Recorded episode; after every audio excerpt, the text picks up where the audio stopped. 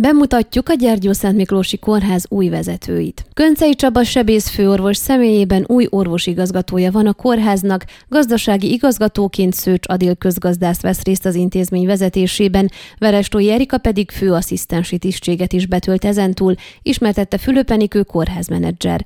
Mindez egy nagyon hosszú folyamat után valósult meg, és ezzel immár megalakulhatott a menedzserből és a két igazgatóból álló vezetőtanács, ami a kórház törvényes működésének egy egyik fontos feltétele. A kórháznak 2015-ben volt utoljára versenyvizsga után hivatalba lépett orvosigazgatója, azóta megbízottként töltötték be a tisztséget az ezt vállaló orvosok.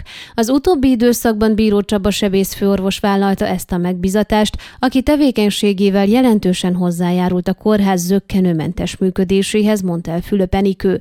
Arra is rámutatott, hogy bár folyamatosan meghirdették ezeket a tisztségeket, nem voltak jelentkezők, aminek oka a tisztség költséggel járó számos feladat és felelősség, valamint hogy a jelenlegi hatályos szabályozás szerint az orvosigazgató kevesebb fizetésre jogosult, mint a főorvos, aki az osztályán dolgozik.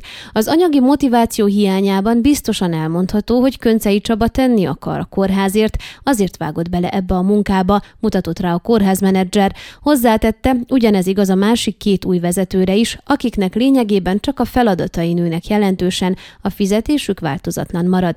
Köncei aki 7 éve dolgozik a Gyergyó Szent Miklósi Kórházban, és három éve a sürgősségi osztály koordinátora is elmondta, fő célkitűzésének tartja, hogy segítsen az intézmény akkreditációjának megszerzésében. Mint ismert, a kórházaknak öt évente kell megújítaniuk az általuk biztosított szolgáltatások minőségét, megbízhatóságát igazoló akkreditálást, ez van most folyamatban. A frissen hivatalba lépett gazdasági igazgató, Szőcs Adél közgazdász két éve dolgozik a kórháznál, addig magánvállalkozásoknál dolgozott, beletanult, átlátja a feladatkört, és az utóbbi évtől már menedzsment szintű tevékenységet is ellát.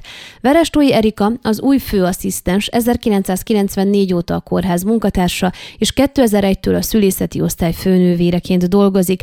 A szülészetnőgyógyászatot, újszülött osztályt, szülőszobákat és műtőblokkot összefogó kapocsként jellemzi magát, és amint elmondta, egy ilyen nagy osztály összefogása után a kórház ápolási tevékenységeinek összehang összehangolását nagy, de teljesíthető kihívásnak tekinti. Fülöp Enikő kérdésünkre reagálva kifejtette, a páciensek nem fognak egyik napról a másikra jelentős különbséget látni a jelenlegi működéshez képest, de pár hónap múlva már érezhető lesz a változás.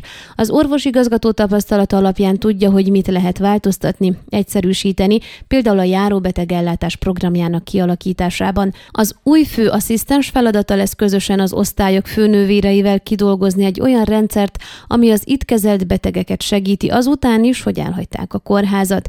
A gazdasági igazgató pedig mindent meg fog tenni, hogy a kórház működéséhez, fejlesztéséhez és az új elképzelések megvalósításához szükséges forrásokat előteremtse. A kórház menedzser elmondta azt is, hogy az utóbbi pár hónapban több szakorvossal is bővült az intézmény szakembergárdája.